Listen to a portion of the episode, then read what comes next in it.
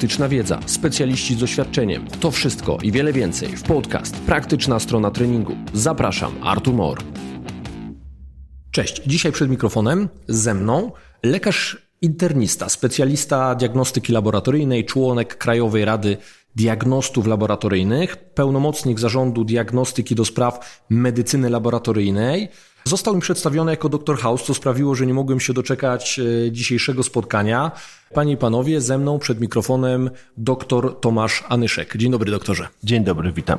Doktorze, zacznijmy od tego, czym tak naprawdę różni się lekarz specjalista diagnostyki laboratoryjnej od diagnosty laboratoryjnego. No to są dwa różne zawody medyczne. Lekarze to są absolwenci medycyny, kierunku lekarskiego, studiów medycznych, którzy później robią bardzo różne specjalizacje, chirurgię, interne, endokrinologię, kardiologię, a bardzo niewielu z nich zajmuje się laboratorium. Akurat tam moje życie tak się ułożyło, że zrobiłem specjalizację oprócz chorób wewnętrznych również z diagnostyki laboratoryjnej. A osobnym zawodem medycznym są diagności laboratoryjni. To są te osoby, które kończą studia też na uczelniach medycznych, tylko na innym y, kierunku, na kierunku analityki medycznej, zwanym obecnie medycyną laboratoryjną. I te osoby pracują w laboratoriach medycznych. Tych diagnostów jest w Polsce kilkanaście tysięcy, pewnie będzie niedługo około 20 tysięcy. I to są te osoby, które pracują w laboratorium, dbają o to, żeby wyniki badań były wiarygodne, żeby badania były wykonane prawidłowo. No ja mam takie szczęście, że jestem zarówno lekarzem, jak i diagnostą laboratoryjnym. Łączę te, te dwa zawody, czyli mam kontakt i z pacjentem jako lekarz, ale wiem też, co się dzieje w laboratorium i co trzeba zrobić, aby wynik badania był wiarygodny i mhm. prawidłowy.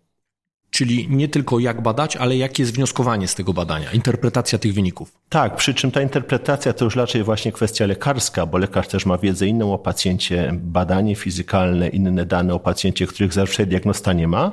Natomiast diagnosta to jest ta osoba, ten specjalista, który ma zapewnić, aby ten wynik był po prostu wiarygodny, czyli rzetelny. rzetelny. Czy możemy powiedzieć, że diagnostyka laboratoryjna to narzędzie do obiektywizacji procesu diagnostycznego?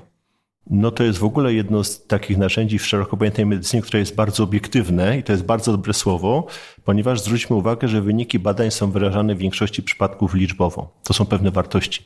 To jest jedna z tych dziedzin w medycynie, która jest bardzo obiektywna.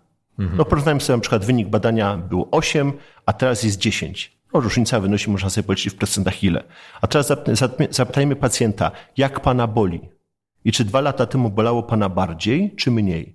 No i to już się zaczyna sfera subiektywna. W związku z tym wyniki badań to jest to, co jest bardzo wymierne i w ogóle w medycynie uważa się, że trzy czwarte danych obiektywnych to są wyniki szeroko pojętych badań, bo to i laboratorium, i diagnostyka obrazowa. Mhm. Dobra, umiejscowmy to w takim razie w kontekście rzeczywistości, czyli na ile te obiektywne wyniki są rzetelne z uwagi na błędy laboratoryjne, czyli czy te błędy się zdarzają, na ile często i jaka jest skala tych błędów?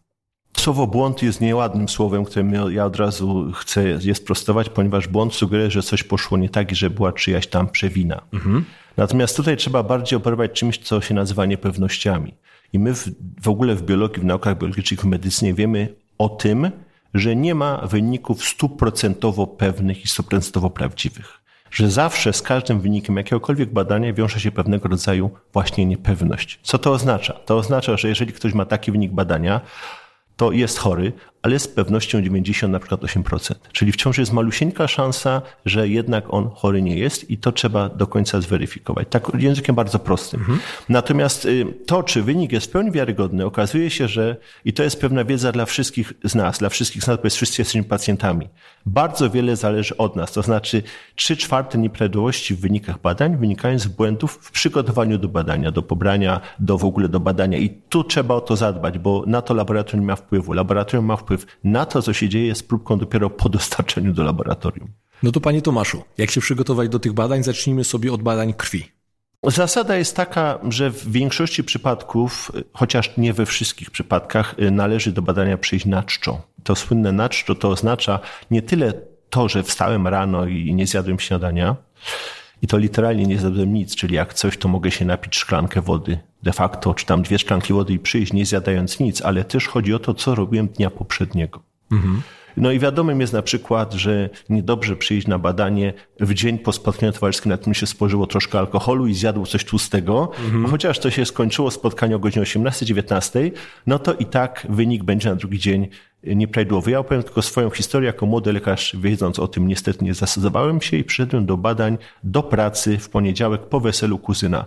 No byłem odesłany natychmiast, musiałem przyjść za kilka dni, bo jednak wyniki wykazały, że mam pewne cechy uszkodzenia wątroby związane z świętowaniem y, wesela kuzyna. Także to są te informacje bardzo ważne, czyli mówiąc do Państwa językiem prostym, jeżeli Państwo macie badanie ustalone na dzień następny, to od dnia poprzedzającego, od godziny 18 wartałoby już praktycznie nic nie jeść, mhm. a ten cały dzień poprzedni to dobrze byłoby tak raczej spoczynkowo i spokojnie przetrwać, aby te wyniki badań były jak najbardziej wiarygodne. No właśnie, no bo powiedział Pan spoczynkowo, a przynajmniej o umiarkowanej aktywności, bo faktycznie chociażby taka aktywność treningowa u osób aktywnych fizycznie, intensywny trening potrafi nam chociażby wystrzelić próby wątrobowe. No wiele innych rzeczy tam z glukozą dzieją różne rzeczy. Oczywiście ym, trudno wymagać y, spoczynku od kogoś, kto jest aktywnym na przykład zawodowym sportowcem, no bo on wiadomo, że on ma taki tryb życia, jak on ma trening codziennie, no to on przychodzi w swoim trybie. Ale jeżeli ktoś jest człowiekiem, który prowadzi życie no, takie tradycyjne, no to jeżeli ma zaplanowany jakiś intensywny wysiłek w przednim badania, to raczej, raczej wartałoby to przełożyć. Organizm sportowca będzie też zaadaptowany, czyli wybicie z tej homeostazy będzie mniejsze. Dokładnie tak. Czyli pilnujmy tego, żeby jednak to, to naczczo było. Jaki to ma wpływ? No na wszystkie badania, bo to i glukoza, i lipidogram, czyli cholesterol, i, i nawet morfologia krwi, czyli te podstawowe badania, jeżeli ktoś nie jest dobrze przygotowany, mogą dać wyniki nieprawidłowe, ale zwracam uwagę, one są nieprawidłowe w aspekcie, że one są nieodpowiadające stanowi pacjenta, bo pacjent się źle przygotował, ale wynik jest taki, jaki jest. Jest adekwatny do jego adekwatny stanu. do jego stanu. Tylko jak pacjent przyjdzie za trzy dni lepiej przygotowany, to wtedy te wyniki będą już adekwatne do stanu, który on na co dzień ma, prawda, homeostazy. Tak jest. No dobra, takie może wstydliwe tematy. E, stosunki seksualne dzień wcześniej. No to szczególnie jak się bada mocz, to to bardzo pięknie wychodzi, więc to nawet nie trzeba nic zapytać, okay. ale jak mówię, no, wartałoby się powstrzymać przed wszelkimi takimi niestandardowymi zachowaniami. Ten dzień przed spędzić spoczynkowo raczej. I wtedy mamy pewność, że nie będzie jakichś niepokojących sytuacji przy interpretacji wyniku. No często się zdarza, że wyniki powtórzone dają troszkę inne wartości. Nie dlaczego, dlatego, że coś się zmieniło, tylko że pacjent się po prostu przygotował jak należy. I tu właściwie można, pacjent może się pomylić albo zostawić pewne rzeczy potem niedopowiedziane dwa razy. Czyli na początku może źle przygotować się do badań, zataić imprezę bądź mhm. spożywać e, obfite posiłki późnym wieczorem, czy odbyć intensywny trening. I jeżeli to będzie miało konsekwencje w postaci niekorzystnego dla niego wyniku, ja posłużę się takim konkretnym przykładem, gdzie, gdzie znajomy również, tak jak pan udał się na niezłą imprezę, ta impreza mu się przedłużyła na dwa dni, poszedł w poniedziałek się zbadać, wyszło mu TSH tam wartości 5, no czyli mhm. ma, mówimy już e, o, o, jasnym wskazaniu w kierunku dalszej diagnostyki w stronę niedoczynności tarczycy i potem z tymi wynikami badań poszedł do lekarza i zataił w wywiadzie, że ostro poimprezował. Czyli to był kolejny jego błąd, nie? Czy jeszcze mógł się wyratować wtedy, a nie powiedział o tym, że ostro imprezował. Nie był też tego świadomy, no ale Eutyrox dostał. No i potem e, był pół roku leczony niedoczynność tarczycy, aż w którymś tam z kolei wywiadzie pojawiła się prawda. No tak, i to jest właśnie trudne. Wprawdzie stara maksyma mówi, że nie, nie leczymy wyników badań, tylko leczymy jak gdyby pacjenta, czyli dobrze byłoby zebrać wywiad, mieć inne wyniki do tych laboratoryjnych również, no ale często jest tak, że, że wydaje się tak oczywiste, że no wynik nieprawidłowy, trzeba by wdrożyć postępowanie. Lekarz od tego jest, teraz kontakt z lekarzem trudny, więc jak ten pacjent już jest u lekarza, to lekarz chciałby zrobić co może. Także dbajmy o to też, bądźmy rozsądni. Oczywiście dodam też, że nie wszystkie badania muszą być na czczo mhm. i to laboratoria mówią, bo laboratoria informują jasno pacjenta, jak się przygotować i nawet chętnie, jeżeli nie trzeba być na czczo, o tym informują. Dlaczego? Ponieważ największy tłum pacjentów czekających na pobranie jest rano. Prawda? Mm. Bo wszyscy są na czczo. Jeżeli ktoś może być na przykład pobrany nie na czczo, to laboratorium jasno mówi, proszę przyjść po południu, może pan przyjść bez przygotowania, bo w tym badaniu to nie ma na przykład żadnego znaczenia. Tak jest na przykład w badaniach genetycznych, kiedy można przyjść po południu, bo tam stan jak gdyby odżywienia, stan nawodnienia raczej nie ma żadnego znaczenia. Mhm. Przyjmowanie suplementów i leków. No to też jest temat bardzo ogromny, bo to może korelować w bardzo, interferować w bardzo różnych sytuacjach. Nawet są takie interwencje, o których my nie do końca wiemy. Są pewne leki, które w oczywisty sposób wpływają, dlatego też czasem trzeba o tym jasno powiedzieć. Są w ogóle pewne badania, gdzie trzeba pewne leki odstawić. Klasyczny przykład, jeżeli ktoś robi testy alergiczne, musi odstawić leki przeciw alergiczne, bo inaczej będzie stłumiona odpowiedź organizmu, nie będzie żadnego wyniku w tym badaniu oczekiwanego. Natomiast są pewne suplementy diety, których skład nie jest do końca znany w sensie gramatury, prawda, poszczególnych składowych i jest to, jest to, jest to sytuacja skomplikowana. Kilka lat temu mieliśmy taką odkrytą, jasno opisaną interferencję ze strony witaminy H, mhm. która jest częstą biotyna. składową, biotyna, tak, częsta składowa wielu różnych suplementów. Okazuje się, że ta biotyna jest używana w metodyce laboratoryjnej jako substancja wiążąca przeciwciała. Hmm, I, niektórzy mieli, I niektórzy mieli tak ogromne stężenie biotyny przyjętej jako suplement, że interferowało to w wynikach badań.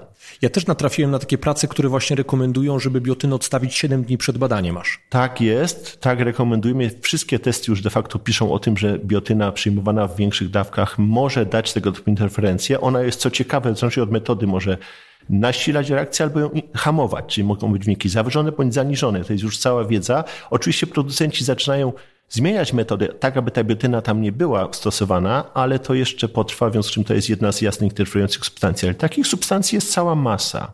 W związku z tym, jeżeli jest jakiś wynik badania, który nie pasuje, jak to się mówi, do obrazu klinicznego pacjenta, mhm. nie pasuje, to lekarz wtedy zaczyna właśnie, powinien spytać, a co pan robi, czym się pan zajmuje, a co pan je, jaka dieta, może pan mhm. coś zażywa i wtedy dochodzi do ciekawych odkryć. No i zazwyczaj kończy się powtórzeniem badania po odstawieniu substancji, prawda? I generalnie też ostatnio miałem rozmowę z kolegą, który się chciał taki sobie zrobić sprawdzian stanu zdrowia i ustaliliśmy, że jednak odstawi wszystkie zażywane substancje, zrobi sobie tydzień, dwa przerwy i wtedy będziemy robili badanie, żeby ten wynik był wiarygodny. Ja pamiętam też raport e, NIK-u bodajże sprzed COVID-u, który pokazał, że 80% suplementów przebadanych w tamtym badaniu NIK-u było czymś zanieczyszczonych, czyli skład suplementu i nie zawierał tylko tego, co było deklarowane na etykiecie. I to są te znaki zapytania, o których nie wiemy, nie? które po prostu warto odstawić, no bo nie wiemy, co tam będzie miało wpływ na wynik tego badania. Dokładnie tak. Zresztą to można też o żywności powiedzieć, o różnych innych substancjach, że teraz coraz mniej wiemy, co jemy, niestety. Także no. To są, to są te problemy. Dlatego też każdy wynik, który nie odpowiada jak gdyby stanowisk pacjenta, powinien być przez lekarza zweryfikowany. Dobra, to teraz doktorze, na ile inaczej trzeba podejść do badania chociażby moczu czy kału? Przygotowania? Y, no mocz to, to wiadomo, że tutaj przy moczu no to kwestia tych stosunków płciowych ewidentnie trzeba unikać takich przyjemności. W ogóle unikać rzeczy typu przegrzanie, wychłodzenie, na przykład nie, nie wolno w przeddzień. To mówimy o całej dobie przed badaniem. Jasne. Opalać się, iść do sauny, przemrozić się na jakimś hmm, takim... Ta sauna to, są... to cenna informacja bo to od razu podejrzewam, że się pojawi białkomocz, który jest patologiczny, ale w tym przypadku on jest przemiający i to są sytuacje opisywane, czyli tak samo jakby ktoś długo przebywał w pozycji y, stojącej, czyli tak zwany białkomocz ortostatyczny. Jeżeli ktoś na przykład jest wykładowcą i spędzi 8 godzin na nogach, mm. prawda, przy tablicy na uczelni czy w klasie w szkole, no to wtedy będzie miał na drugi dzień być może białko w moczu. To są takie rzeczy, o, o których się nie wie. Oczywiście stosunek płciowy i tak dalej. Y, przy badaniu moczu warto się nawodnić, czyli warto wypić odpowiednią ilość płynu w dzień przed y, badaniem, prawda? Mhm. No i to są takie podstawowe, podstawowe informacje. Jak chodzi o badanie kału, no to te dwa badania są bardzo pod tym względem niebezpieczne, że to jest ten materiał, który pacjent pobiera sam. To nie jest tak. dodatkowe. No i tutaj jest kwestia, jak to pacjent zrobi. No i pobranie materiału nie jest proste, bo pierwsze trzeba mieć pojemnik. I Jałowy? tutaj no, Albo dobrze nie, by było. No właśnie, kiedy jałowy, kiedy nie. I Jeżeli robi wpływ? się badanie mikrobiologiczne, to musi być jałowy. Jeżeli robi się tak zwane badania ogólne, to jałowy być nie musi. Ale te kupowane w aptekach, one są wystarczająco czyste, żeby były użyte do tego badania. Laboratoria czasem udostępniają takie pojemniki. Z pojemnikiem na kał to jest jeszcze większa historia, bo to jak Państwo wiecie, no nie chcę wchodzić w technikalia teraz, ale to nie jest takie proste i przyjemne. W związku z tym są różne pomocy, naczynka z łopateczkami, które można kupić w aptece, żeby tą próbkę kału na nałożyć. Informacja dla Państwa, laboratorium nie oczekuje, żeby tego kału było dużo. Tam wystarczy taki fragment jak orzech laskowy i badanie będzie wykonane. Co jeszcze warto wiedzieć o tym w takim razie? O pobraniu w ogóle materiału warto wiedzieć to, że zawsze można się spytać w laboratorium o szczegóły i tam będą informacje udzielone. Dobra, to teraz tak. Jeżeli już mamy ten wynik, zakładamy, że nie jest on obarczony jakimś dużym błędem, bo przygotował się ktoś ok, e, badanie było wykonane w sposób należyty, otrzymaliśmy wynik.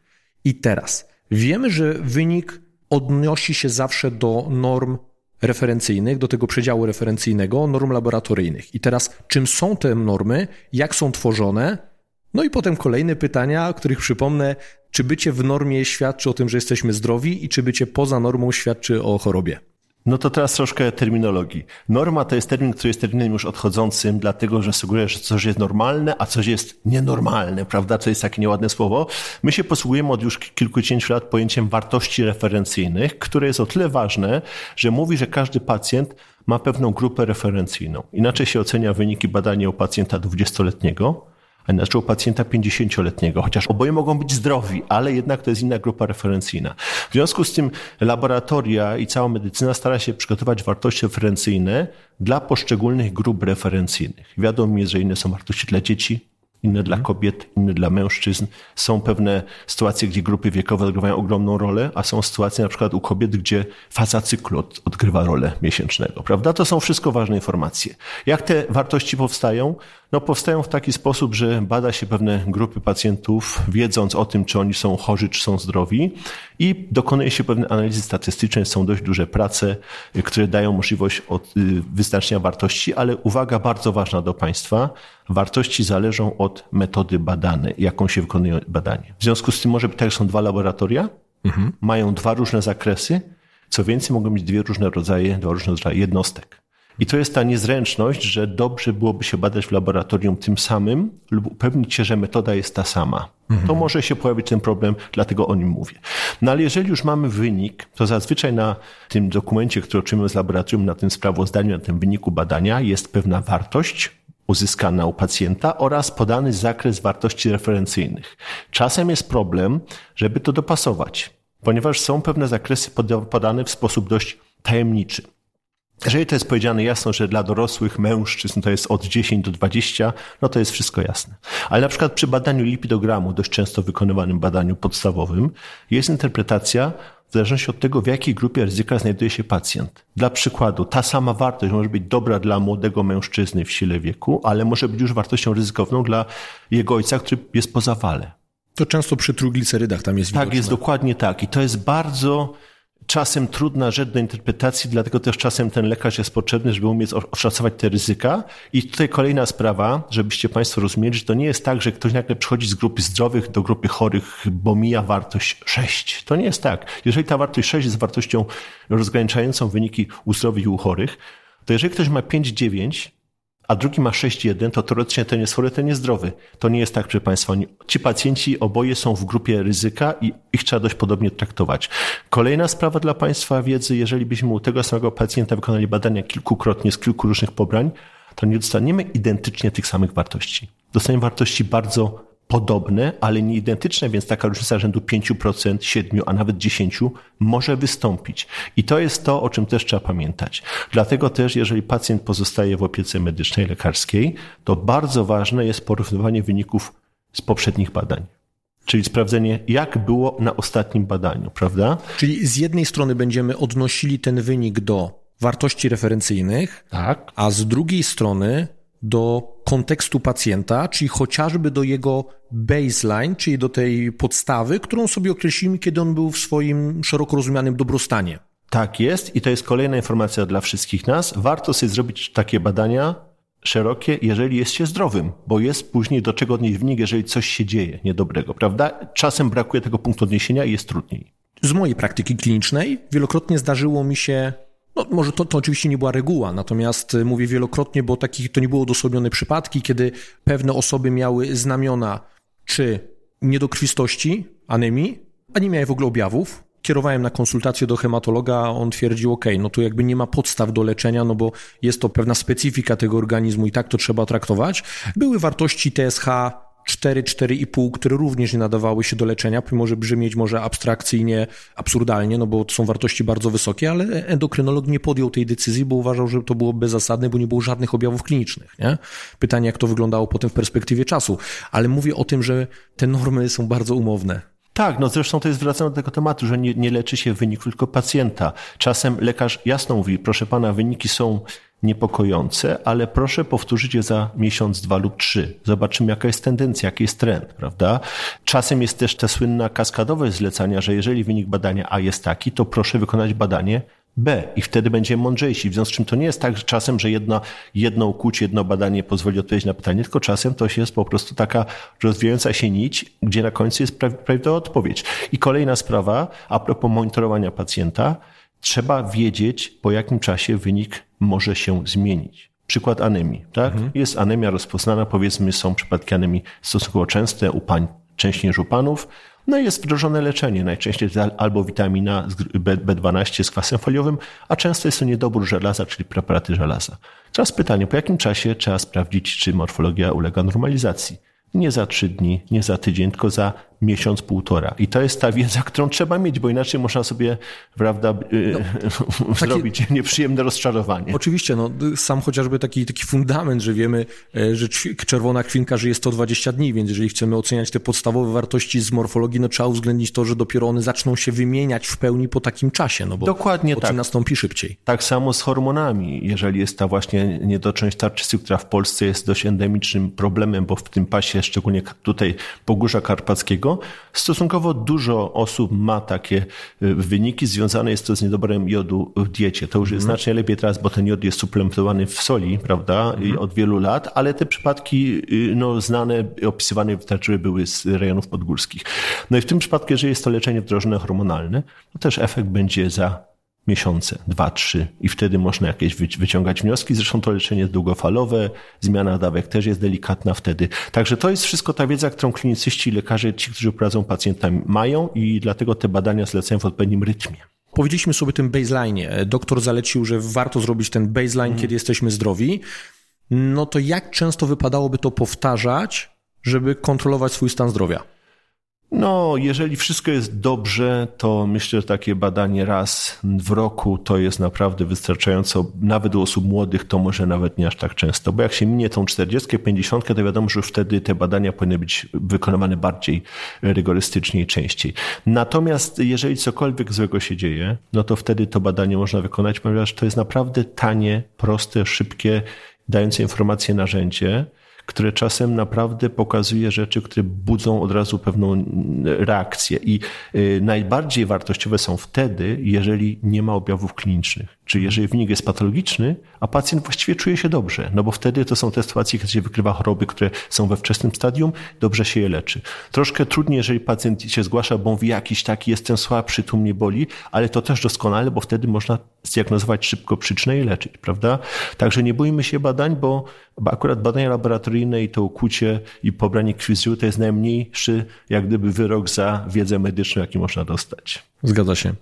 To spróbujmy sobie z Pana pomocą przygotować taką listę podstawowych badań, które warto zrobić u osoby zdrowej. Zacznijmy sobie może tak w kwiecie wieku, czyli E, nie mówimy o osobach młodych, tylko już powiedzmy osoba 30, 40, 50 lat. Weźmy sobie ten przedział. Albo 30, 40. Od tego zacznijmy, bo potem się pojawiają pewnie rzeczy, które już wartałoby dodać. No tu jest całe wiele szkół i my nawet na stronach tutaj naszych firm podajemy takie proponowane pakiety, mhm. więc można do tego sięgnąć, bo inaczej jest dla kobiet, inaczej dla mężczyzn troszeczkę. Mhm. Ale z takich podstawowych badań naprawdę nieskomplikowanych to trzeba wymienić kilka i zacznijmy od początku. No przede wszystkim morfologia krwi badanie bardzo proste i bardzo niosące wiele informacji. Warto sobie zrobić badanie moczu, takie ogólne z osadem, które też jest badaniem podstawowym, ale które wykrywa problemy nerkowe, które są dość często występującymi w populacji. Oczywiście glukoza, cukrzyca, problem populacyjny. W towarzystwie insuliny? Nie, insulina nie. W pierwszym rzucie nie ma potrzeby, to już później jakby była ewentualnie jakaś nieprawidłowość. Ale zacznijmy od prostej glukozy, mhm. naczczo i to nam da informację. Lipidogram i tutaj lipidogram cały, nie sam cholesterol jeden, tylko cały lipidogram, który już wieloparametrowo, tam są składniki oznaczone i wyliczane, czyli lipidogram.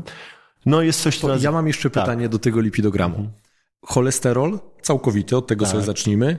On się okrył złą sławą, bo budził wiele kontrowersji na przestrzeni ostatnich 20 lat. To znaczy te normy się drastycznie zmieniały i wskazania chociażby do stosowania statyn również się zmieniały. I teraz jaki jest aktualny stan wiedzy, jaki poziom cholesterolu całkowitego albo może w odniesieniu do pozostałych frakcji chociażby trójglicerydów będzie czymś niepokojącym? Bo tu mam, tu ja słyszę bardzo wiele kontrowersji Te zalecenia, one się zmieniają i one są tak co 2-3 lata aktualizowane. My mamy teraz zalecenia z 2019 roku bodajże, z pamięci sięgam, mhm. które właśnie bardzo ciekawie interpretują wyniki, bo oni mówią o tych wynikach pożądanych dla danej grupy ryzyka. Mhm. Czyli to jest to, o czym mówiłem. No cholesterol ma wartość tą 5,2 graniczną, całkowity, prawda, w milimolach na litr, ale okazuje się, że jak ktoś jest osobą, która ma ryzyko kardiologiczne duże, to dla niego wartość 4,6 być może będzie za wysoka, więc to wszystko od tego zależy. Kontekst. Także to jest interpretacja w kontekście ryzyka. A druga rzecz, jak chodzi o leczenie,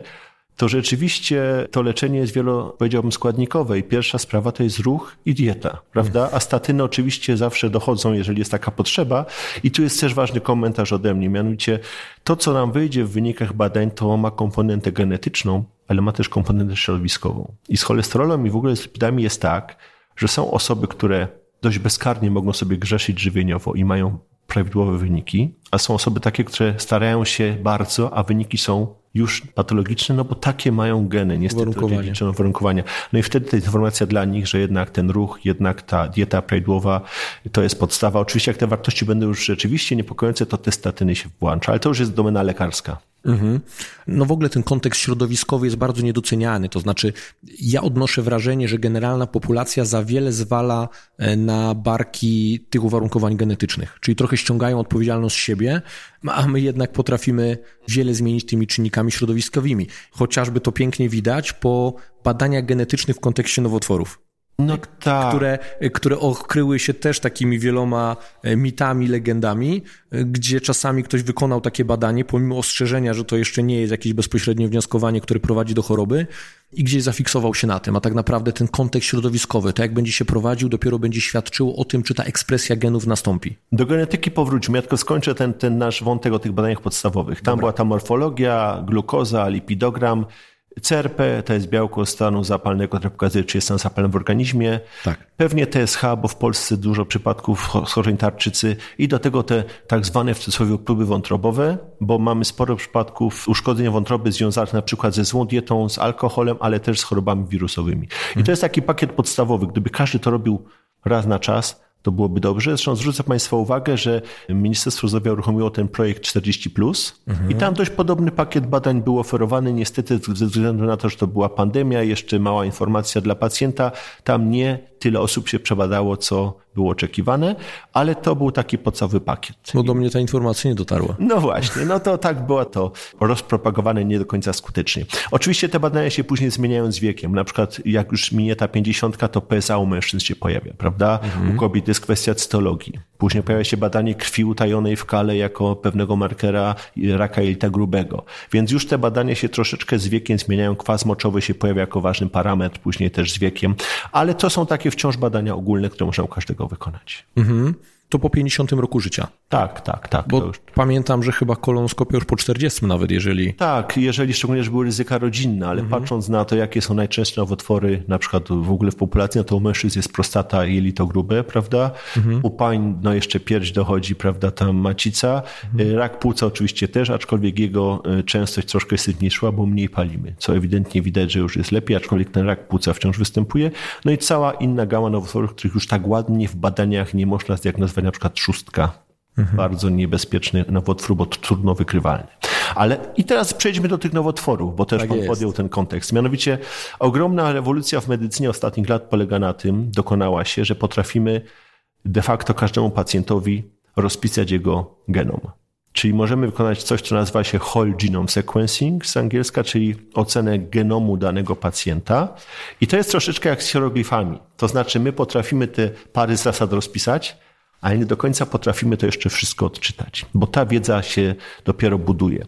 I jest ogromna tutaj, myślę, dziedzina rozwojowa pokazująca, w jakim kierunku będzie szła medycyna. To znaczy, my na podstawie analizy tych wariantów genów, mutacji, prawda, różnego rodzaju w danym genomie pacjenta, będziemy mogli oceniać, uwaga, co? Ryzyko. To jest najtrudniejsze do pojęcia, prawda? To jest syndrom Angeliny Jolie, która jak zrobiła sobie badanie mutacji w genie BRCA1 wiedząc, że jej mama zmarła, prawda, w młodym wieku na nowotwór i dowiedziała się, że ma wysokie ryzyko bardzo, no to podjęła takie, a nie inne działania, czyli podjęła działania chirurgiczne, żeby nowotworu nie było, prawda? Mhm. To brzmi przerażająco, to była jej decyzja. Natomiast jeżeli ktoś w badaniach genetycznych dostanie informację, że ma podwyższone ryzyko raka jelita grubego, to co to oznacza? No bo co to znaczy, pyta się pacjent. To oznacza, że ten pacjent powinien wykonywać kolonoskopię w miarę regularnie mhm. i powinien tak prowadzić swoje życie, aby ryzyko nowotworu było mniejsze, czy na przykład ograniczyć spożywanie mięsa czerwonego i jeść y, pokarmy wysokoresztkowe. Są takie dwa udowodnione jak gdyby czynniki. No jeżeli to będzie robił, to może powiedzieć, no mam ryzyko, ale No kontroluje. Jeżeli pani ma podwyższone ryzyko raka piersi, no to powinna robić mammografię, często samobadać sobie piersi. To jest to, co może robić, prawda? Także to są te informacje bardzo ważne, które możemy wyciągnąć z tych badań tak zwanego przesiewu genetycznego, które się pojawiają. I myślę, że medycyna będzie szła w tą stronę, czyli w, w stronę identyfikacji ryzyk u danego konkretnego pacjenta, bo jednego ryzykiem jest zawał serca ogromnym, i miażdżyca i udar, a u drugiego jest ryzykiem właśnie raki jelita grubego. I to są dwaj różni pacjenci, dwa różne przypadki. Pewne badania nie tylko mówią nam o ryzyku, te genetyczne, ale przesądzają o pewnych chorobach genetycznych, od takich mało groźnych, jak na przykład zespół Gilberta, czyli tutaj widzimy bilirubina całkowita wystrzelona, możemy sobie potem sprawdzić jej poszczególne frakcje. Potem sprawdzamy badanie genetyczne, Bach, mamy zespół Gilberta i jest to potwierdzenie i możemy na podstawie tego postawić diagnozę końcową. Tak, no są te dziedziczenia takie proste i te, ta genetyka taka zero-jedynkowa rzeczywiście. I to jest ta część genetyki taka i przyjemna, bo to jest pewne, ale też nieprzyjemna, bo pewne nieuniknione, prawda? I to sporo chorób genetycznych o ciężkim przebiegu po prostu jest wyrokiem. No niestety tak jest. Ale jest ta, też ta genetyka oparta o to ryzyko, czyli mówiąca, że to nie jest pewne, ale pan ma większe ryzyko niż kolega, bo kolega ma inną wersję tego genu, prawda? I na to trzeba zwrócić uwagę. Przykład klasyczny, GMMTHFR, który ma tam różne warianty, tak, i niektóre z tych wariantów powodują, że tam się zmienia metabolizm witaminy B i powstaje w procesie metabolicznym wyższe stężenie homocysteiny. A to jest czynnik rozwoju ryzyka.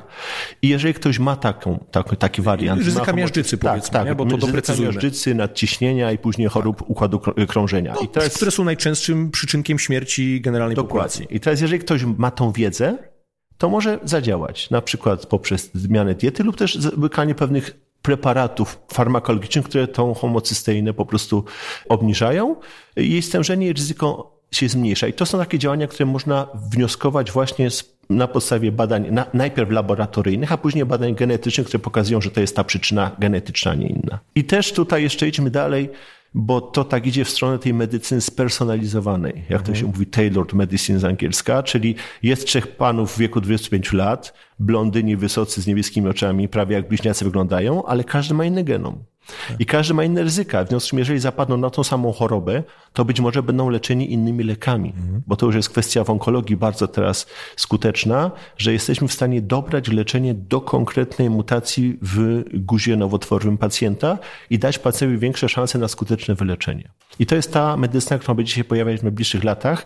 Jedynym ryzykiem jest to, że ona będzie zbyt droga i nie będzie dostępna dla wszystkich, tylko będzie dostępna dla, dla tych, na, na których to będzie stać, ale bądźmy dobre myśli. I to według e, pana doktorze jest kierunek rozwoju takiej diagnostyki laboratoryjnej, takie najnowsze trendy i perspektywy? To właśnie będzie mm. leczenie nowotworów, czy może jest jeszcze coś bardziej takie nośne w tej chwili, co. Znaczy, co jest to jest kilka kierunków. No na pewno genetyka mhm. i to ta genetyka przewidująca, o czym mówimy, czyli przewidująca pewne ryzyka. To jest pierwsza dziedzina, ona się będzie bardzo rozwijała. Ona się opiera dość mocno o onkologię i ryzyka onkologiczne oraz o później leczenie celowane w onkologii.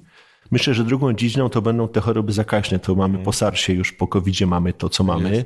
I tutaj też mam, mamy bardzo wiele różnych możliwości. No i jednak nie zapominajmy, że oprócz nowotworów, które są dużym problemem, są choroby układu krążenia, są choroby metaboliczne szeroko pojęte, które są związane no, nazwijmy to bardzo prostym językiem, nie do końca zdrowym trybem życia, który prowadzimy, tak? Czyli dużo siecimy, mało się ruszamy, zbyt kaloryczne pokarmy spożywamy. Jemy nie to, co powinniśmy. To trochę my czasami sobie tworzymy pewne nowe, czy jednostki chorobowe, czy tworzymy, na przykład otyłość nazywamy mhm. chorobą, odcinamy na przykład to linią od chorób sercowo-naczyniowych, e, tworzymy sobie pewne wytyczne co do diagnozy zespołu metabolicznego, tylko koniec końców to jest to, o czym pan powiedział.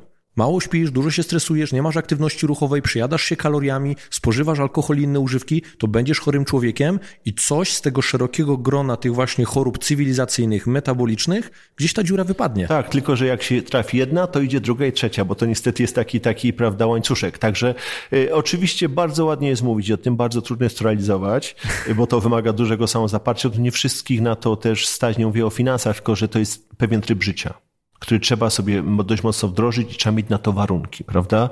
Nie zawsze się udaje. Jest lepiej, jest świadomość ogromna, która jest wśród ludzi, natomiast to nie zawsze daje efekty, jakie chcemy. Poza tym, no, no niestety, choćbyśmy na głowie stawali, to i tak te ryzyka będą. My je zmniejszymy, ale będą zawsze niestety i cukrzyce, i zawały, i nowotwory. Oby ich było jak najmniej i oby były jak najszybciej wykrywane i jak najskuteczniej leczone. No, czasami te choroby są po prostu efektem starzenia się organizmu i jego, nie chcę mówić eksploatacji, ale już nie takiej efektywnej pracy e, i zużycia po prostu. I to jest być może dodatkowa ta dziedzina, gdzie medycyna będzie w stanie coś zmienić. Na razie jeszcze tego nie widać, ale myślę, że to będzie kwestia przedłużenia jak gdyby życia w pełnej sprawności. Tak? Anti-aging. Tak? Mhm. No i teraz właśnie, powiedzmy sobie już nie tylko o chorobach, ale o takim pożądaniu utrzymania maksymalnych możliwości psychofizycznych ciała, czyli ludzie chcą się dobrze czuć. Nie tylko chcą być zdrowi, ale chcą mieć ten swój taki performance fizyczno-umysłowy i chcąc sobie to zapewnić, pojawiają się pewne trendy w medycynie, chociażby hormonalne terapie zastępcze, czyli testosteron replacement therapy u mężczyzn, gdzie wiemy, że wraz z upływem lat poziom testosteronu, tego całkowitego, wolnego i w ogóle ta gospodarka hormonalna będzie no, pogarszała się, będzie ilość tych hormonów y, pożądanych u mężczyzn spadała. No i teraz co możemy z tym robić? No, z jednej strony musimy poprawić swój styl życia, ale to w pewnym momencie przestanie być skuteczne, no bo natury nie oszukamy i pojawiają się te kuracje hormonalne. Pojawiają się leki na otyłość, te najnowsze Ozempik bodajże, w tej chwili, które pomagają zbić ludziom wagę. Swoją drogą to jest ciekawa historia tego Ozempiku, że to jest lek, który nie na to był produkowany, nie na no to tak. był wymyślany, okazało się, że przynosi fajne efekty. Jak to wygląda z perspektywy klinicysty i specjalisty diagnosty laboratoryjnego? To jest właśnie ta dziedzina, która się tak nazywa wellness medicine, prawda? Czy ona się bardzo dynamicznie rozwija. To wszystko jest dostępne, tylko to musi być jednak koordynowane i nadzorowane przez kogoś, kto ma doświadczenie. Nie każdy lekarz to doświadczenie ma. Ingerencja hormonalna w organizm jest pewną decyzją dość trudną. W przypadku tej hormonalnej terapii zastępczej dość nieodwracalną, bo jak się raz zacznie podawać, to organizm już swojego nie wyprodukuje, po prostu bo się przyzwyczai tego, że jest to podane, ten testosteron chociażby. To wszystko jest dostępne, ale trzeba też pewne znać ryzyka, wiedzieć, że podawanie tego hormonu daje pewne ryzyko i onkologiczne, no bo to nowotwory prostaty, prawda, czy jakieś inne historie. U kobiet zresztą podobna sytuacja, bo mamy terapie estrogenowe u pań, prawda, bo u nich znowu jest niedobór hormonów kobiecych, więc to wszystko jest jak najbardziej dostępne, tylko powinno być nadzorowane. Mm. To jest też taki miecz obusieczny, bo powiedział Pan o tym estradiolu. Nie? A mhm. wiemy, że na przykład nowotwory piersi będą związane z, no, z estradiolem właśnie, jego wysokim poziomem i czasami leczymy to chociażby podając egistrazol jako te inhibitory aromatazy, które mają, czy tam receptora tego spowinowactwem do estradiolu, które mają nam e, zmniejszyć szansę na ten nowotwór. Dokładnie tak i dlatego tą wiedzę trzeba mieć. I dlatego jak przychodzi mężczyzna i jest mu proponowana terapia taka e, e, hormonalna testosteronem, warto sprawdzić, jak u niego wygląda prostata った prawda, żeby później mieć porównanie, czy to będzie się zmieniało, czy nie. Też ważne jest to, że trzeba sprawdzić, jaki jest kortyzol, no bo jeżeli osoba jest w permanentnym stresie i ma podwyższony kortyzol, to ten testosteron będzie z definicji niższy i czasem wystarczy troszkę zmienić styl życia, a ten testosteron się nagle sam odbuduje. Także to są dość złożone tematy. Tutaj trzeba się udać do kogoś, kto się na tym po prostu zna. Tych zależności jest ogrom. Ogrom, ogrom. Na przykład osoby z niedoczynnością tarczycy mężczyźni też będą mieli, mogą mieć hipogonadyzm wtórny i wystarczy im wyleczyć tarczycę i nagle się okaże, że ta sekrecja testosteronu będzie wracała, nie? Cała historia z tym sportem, który, już pomijam sport profesjonalny, który jest pewnego rodzaju problemem, jak się go przestaje uprawiać, bo wtedy organizm wariuje. Mieliśmy takie badania zawodowych triatlonistów, gdzie wykazaliśmy, że jeżeli oni przestają trenować, to mają ryzyko cukrzycy podwyższone, bo organizm produkuje glukozę, bo jest do tego przyzwyczajony, prawda? Tak takie przykłady. Cała masa przykładów, ale teraz mamy osoby, które zaczynają uprawiać ten sport w takim trybie półprofesjonalnym, bo chcą coś robić i mhm. trzeba też wiedzieć, gdzie jest granica, bo nie każdy będzie Benem Johnsonem, prawda? I to też, jak ktoś ma 40 czy 50 na karku, to żeby nie chciał tych maratonów biegać może, bo nie każdemu jest to dane. I to też jest pewnego rodzaju rodzaju y, rozsądek i wiedza i konsultacja. Po to są lekarze kardiolodzy czy medycyny sportowej, którzy powinni takie rzeczy starać się wytłumaczyć, że proszę pana, akurat bieganie u pana niekoniecznie, może lepiej pływanie, prawda, które jest mniej ryzykowne czy obciążające kardiologicznie. Także to są pewne takie informacje dość ważne, bo każdy by chciał, tylko okazuje się, że jak ktoś będzie chciał zrobić to sam, to chyba mu nie do końca wyjdzie. No. A myślę, że mamy taki populacyjny problem z jednej strony z tym, że ludzie są nieaktywni, ale z drugiej strony ci, którzy zaczynają być aktywni, wpadają w pewną formę manii i zaczynają uprawiać ten sport dla własnego wyczynu. I często uprawiają go w taki sposób na tyle nieświadomy, że chcą trenować jak ci najlepsi, a nie mają tego całego zaplecza wiedzy, sztabu i możliwości regeneracyjnych szeroko rozumianych. A to jest kolejna sprawa, bo na przykład ktoś pójdzie do tej siłowni słynnej kilka razy w tygodniu, dwa czy trzy, no to jest kwestia po pierwsze wytrzymałości, rzeczywiście siły, ale też jest kwestia, no nie wiem, chociażby rozciągnięcia mięśnia odpowiedniego, tak? Jeżeli ktoś siedzi przy biurku spięty przez 8 godzin dziennie, później pójdzie, będzie chciał coś zrobić bez odpowiedniego przygotowania, to sobie najprawdopodobniej zrobi małą krzywdę. Także to są bardzo złożone tematy, stąd też te zespoły takich, których pewnego pacjentem, gdzie jest lekarz, dietetyk, jakiś fizjoterapeuta, prawda, czy jakiś tam właśnie trener personalny, no bo to troszkę inaczej wygląda i takie poważne kliniki, które się zajmują tego typu działaniami, przywracaniem tego dobrostanu psychofizycznego, no to to jest cały zespół specjalistów. Mhm. Powiedział Pan o kortyzolu. Badamy go sobie chociażby mhm. z tego pobrania porannego na czczo. No mhm. i chcemy, żeby on był w, najlepiej w tych wartościach referencyjnych. A czy robi się badanie takiej, no nie chcę mówić krzywej kortyzolu, ale kortyzolu w ciągu dnia, na przykład ze śliny? To badanie ze śliny y, jest dostępne. Ono nie jest takie proste, bo to pobranie śliny samo w sobie jest pewnego rodzaju wyzwaniem, tak? Więc my to badanie mamy w ofercie. Nie jest ogromne zainteresowanie, aczkolwiek pojawiają się zlecenia, bo okazuje się, że czasem jest problemem pobranie krwi, a znacznie łatwiej od pacjenta pobrać ślinę. Natomiast to wszystko, jeżeli jest zlecane, to zlecane jest przez lekarza. I tutaj rzeczywiście tu jasno chcę powiedzieć, że są badania, które pacjent sobie powinien zlecić sam, jak ma możliwości te podstawowe, mhm. a jak wchodzimy w tą specjalistykę, to tutaj, jeżeli się nie ma odpowiedniej wiedzy, to trudno czasem nawet dobrać badanie, albo trudno ten wynik zinterpretować. Doktorze, a jak te normy, już powiedzieliśmy są normy, te wartości referencyjne, e, jak one się zmieniają na przestrzeni czasu, upływu lat i jaki to ma dla nas, jakie to niesie dla nas znaczenie? Kliniczne? No to ma znaczenie duże. One się troszeczkę zmieniają, one ewoluują. Dlaczego? Po pierwsze dlatego, że ta technologia jest troszkę inna i one muszą być raz na czas zweryfikowane. Mhm. Po drugie, nasza populacja się zmienia. I tu są różnorakie czynniki. Po pierwsze, no trzeba zrozumieć jasno, że populacja ma pewne genetyczne predyspozycje. Inaczej te wartości wyglądają w Europie Środkowo-Wschodniej, inaczej wyglądają na przykład na południu Stanów Zjednoczonych, gdzie jest populacja afroamerykańska. Więc to jest pierwsza sprawa, czyli to jest kwestia dostosowania tych wartości do genetyki. My robiliśmy takie badania kiedyś w Europie, gdzie okazało się, że Polska, Rumunia porównywaliśmy bardzo podobnie wyszło, ale Gruzja już wyszło zupełnie inaczej. Czyli to jest inna populacja, inny genom i tam były pewne wartości doznamiennie różne. Czyli pierwsza kwestia to jest dostosowanie tych wartości jak gdyby do środowiska, w którym się je wykorzystuje. Druga sprawa, my się zmieniamy. I to jest to, o czym mówiliśmy. Proszę popatrzeć na prostą rzecz. Numerację, rozmiarówkę ubrań która jednak te ubrania są coraz większe, bo my niestety idziemy w drogę zwiększania masy. Co powoduje, że ta średnia prawidłowa się też zmienia. I że jak sobie patrzymy na wartości uzyskiwane teraz, a wartości uzyskiwane w czasach powiedzmy 40 lat temu, one są inne, mhm. prawda? I to jest pewnego rodzaju ewolucja, która pokazuje, że coś, co kiedyś uważaliśmy za nieprawdziwe, teraz mówimy, to jeszcze tolerujemy, to jeszcze jest ok. I trzecia rzecz, to jest nasza wiedza o chorobach. Znaczy dochodzi do, do pewnego rodzaju odkrycia, przełomu, gdzie ustalamy, a myliliśmy się. Te wartości, one jednak już są niebezpieczne i będziemy bardziej restrykcyjni. I kombinacja tych trzech zjawisk, jak gdyby, czyli dostosowania do populacji odpowiedniej, zmiany naszej populacji oraz zmiany wiedzy medycznej powoduje, że te wartości są zmieniane. Czasem są, są to zmiany bardzo drastyczne. Ja znam takie przypadki z historii, kiedy była nagle nowa definicja, mówiono, nie, nie, już jest inaczej, a, czas, a czasem to jest taka ewolucja typu kilka procent mniej, kilka procent więcej, prawda? To są tego typu sytuacje. Generalnie staramy się te wartości referencyjne zmieniać adekwatnie do rozwoju tej wiedzy i jak ktoś ma wyniki z tego roku i wyniki sprzed 10 lat, być może ma inne wartości referencyjne na tych wynikach. Tak, ja, ja to przed naszą rozmową, jeszcze przed mikrofonem przytoczyłem właśnie te normy właśnie tego testosteronu całkowitego, gdzie w okolicach tam 2010 roku to było tam górna granica 1400 nanogramów na decylitr, nawet pamiętam, e, a teraz już próżno szukać takich wartości. Teraz jak będzie 900 nanogramów na decylitr, już jest w ogóle wow. Tutaj musimy być, jak to się mówi, up to date, czyli tą wiedzę stosować skuteczną, którą mamy aktualną.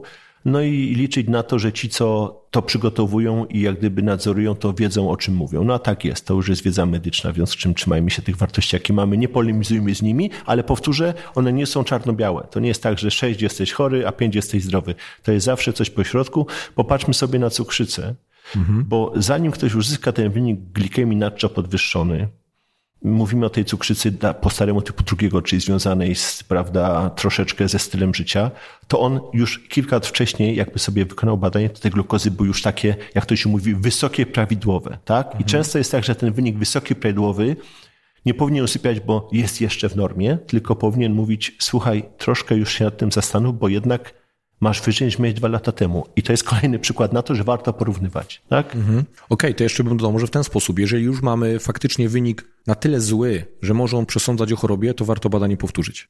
Tak, się dzieje często z kilku powodów. Po pierwsze, pacjenci często odrzucają tą opcję. Mhm. Mówią, na pewno coś nie tak, okay. na pewno jak powtórzę będzie inaczej. Ale z drugiej strony, jak ten wynik drugi raz jest taki sam, to już tych wątpliwości nie ma. No to jeżeli to jest sposób przyswojenia informacji, to róbmy w ten sposób. Rzadko się zdarza, ten wynik jest diametralnie inny, a jeżeli tak jest, to wynika to raczej z tych błędów w przygotowaniu bądź jakichś mhm. interferencji, bo laboratoria, powiedzmy sobie jasno, one raczej takich błędów trywialnych nie robią. Jeżeli się weźmie dane statystyczne o wynikach badań laboratoryjnych, to ilość takich błędów, błędów mhm to są wartości liczone w promilach wyników. To są jeden na setki, na tysiące. Także to nie jest tak, że jak dostałem wynik, to nie jest zły. Więc tutaj mhm. jasno stoję po stronie laboratoriów. Okay. Natomiast to jest tak złożona dziedzina, że ten wynik może być adekwatny do sytuacji, ale nieadekwatny do pacjenta, bo coś się wydarzyło, tak? Mhm. Bo nie był na czczo, bo się zmęczył, bo się nie nawodnił odpowiednio. To też jest rzecz taka, że jak ktoś nie wypije tej wody rano i ma gęstą krew, no to są troszkę inne wyniki, bo to są jednak stężenia, prawda? Mhm. Powiedzmy sobie jasno.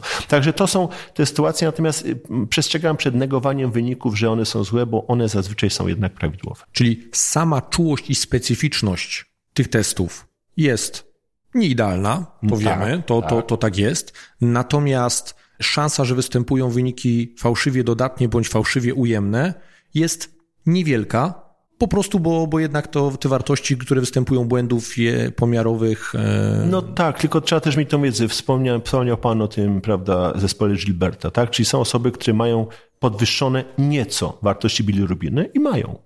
Ja do takich należę, przyznam się. Tylko, że jak zrobiłem sobie badania jako młody chłopak, to już to wiedziałem i teraz mi to nie niepokoi. Tak? Jak mnie 50-letni mężczyzna, który miał w życiu badań i bym to zobaczył, to byłbym zaniepokojony, prawda? Tak. Dlatego też warto o tym wiedzieć. Także tutaj bądźmy przygotowani, że to nie jest takie zero-jedynkowe. Natomiast kolejna sprawa, jeżeli ktoś ma wynik, który jest krzyczącym wynikiem, nieprawidłowością ogromną, to niech z tym nie polemizuje, tylko niech się zajmie tematem, bo to rzeczywiście, jeżeli ktoś ma wynik kompletnie patologiczny, to to już nie są błędy, to już są rzeczy alarmowe. To, to teraz takie kliniczne pytanie, no bo to, to jest unikalna możliwość porozmawiania z panem też jako z klinicystą.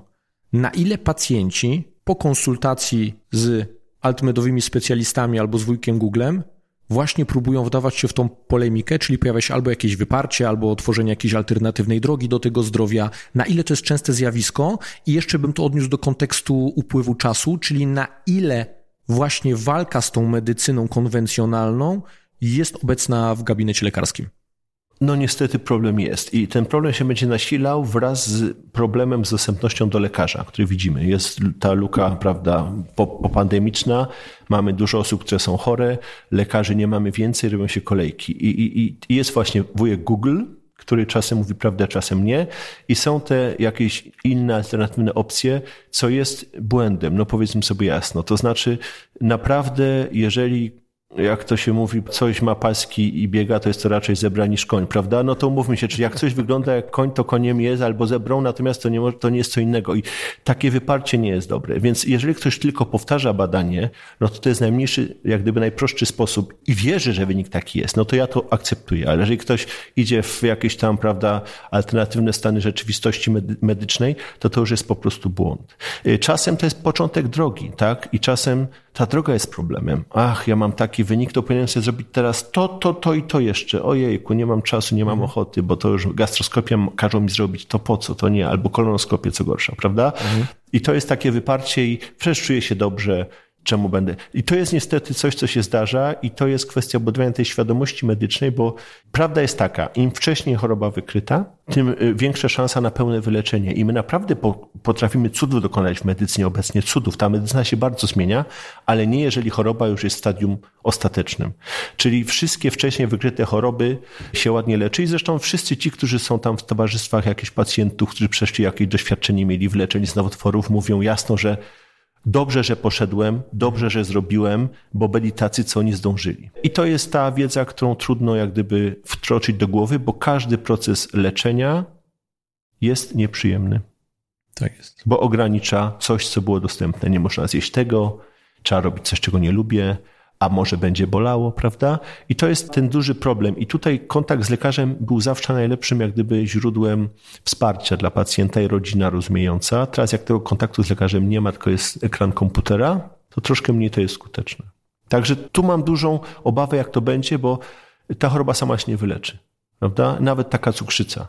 Wykryta odpowiednio dietka, jedna tableteczka dziennie i wszystko świetnie. Jak się tego nie zrobi, to za 5 lat będzie kłopot z chodzeniem, z widzeniem, mhm. z nerkami, prawda? I to są te konsekwencje. A tej cukrzycy w Polsce mamy niewykrytych przypadków bardzo dużo. A jak wykryć? Przyjść do laboratorium, zrobić badanie krwi. Prosta sprawa. To jest trochę jak, no, to jeszcze większy problem z nadciśnieniem, nie? Nadciśnienie, tak. No, choroba problem. też populacyjna, też czas je mierzyć, to te ciśnienie jak się da, to jest coraz większa świadomość, muszę powiedzieć, tak? Natomiast jest kłopot z dostępem do lekarza specjalisty, niestety. Mhm. Także to, to się robi problem już organizacji służby zdrowia nie tylko w Polsce, tylko na całym świecie. To jeszcze korzystając z naszego spotkania, ostatnie pytanie odnośnie przeciwciał IG. Mhm. IgM, IgA, IgG. Mhm.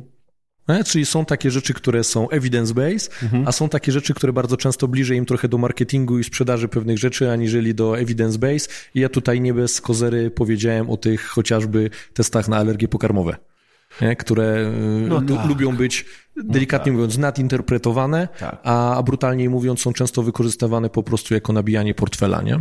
Ja powiem tak. Są jak gdyby dwa źródła zleceń badań. Większość to są zlecenia lekarskie. I tutaj nie ma polemiki, lekarz wie, co zleca i lekarz interpretuje wynik badania. I to jest ta najczystsza sytuacja dla nas i dla pacjenta de facto. Natomiast druga część to są pacjenci, którzy sami się badają. Tam jest część pacjentów, którzy przyszli, bo ich lekarz namówił i sami płacą, jak gdyby do tego lekarza trafią. Ale jest taka część, którzy szukają po internecie, gdzie można różne cuda znaleźć i którzy wymuszają pewne badania, których no ja jako lekarz bym nie zlecił, bo nie wziąłbym potrzeby. I problem jest taki, że jeżeli się wykona wynik, wykona badanie pacjenta, który nie ma wskazań, to mogą wejść różne wyniki, które są nie do końca adekwatne, tak? I to jest to pole do nadużyć. My w ofercie mamy 5000 testów ponad. 5000 testów, z czego takich evidence-based stricte to jest więcej niż połowa. Część jest takich wchodzących, a część jest takich, które są trochę dyskusyjne, ale są zlecane, prawda? Poza tym w pewnym kontekście mogą nabierać W pewnym kontekście mogą. I to jest i kolejna sprawa, to jest to, o czym, o czym Pan powiedział, kontekst. To badanie jest świetne w tym kontekście, ale nie w innym. I tutaj bardzo duża uwaga, że jeżeli sami sobie zlecamy badanie, to czasem możemy się troszkę pomylić i nie zlecić tego badania, które chcemy. W związku z tym ta konsultacja byłaby jednak wskazana na którymś etapie. Tak samo jak dostajemy wynik badania, który nie za bardzo wiemy, co z nim zrobić, nie szperajmy po internecie, tylko idźmy do specjalisty. Wiem, że to jest trudne, mhm. ale czasem lepiej to zrobić, niż sobie wmówić chorobę, której nie ma, albo przeoczyć coś.